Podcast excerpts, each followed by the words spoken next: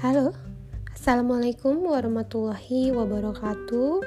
Kali ini saya memberanikan diri untuk membuat podcast pertama saya. Nah, mungkin banyak teman-teman yang belum tahu saya siapa. Nama saya Indah Pujaningrum. Background saya adalah seorang perawat.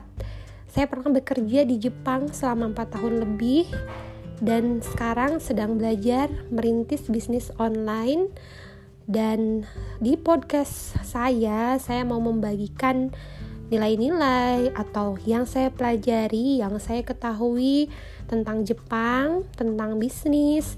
Nah, mudah-mudahan podcast saya bisa bermanfaat ya untuk teman-teman semua. Ya, terima kasih teman-teman. thank you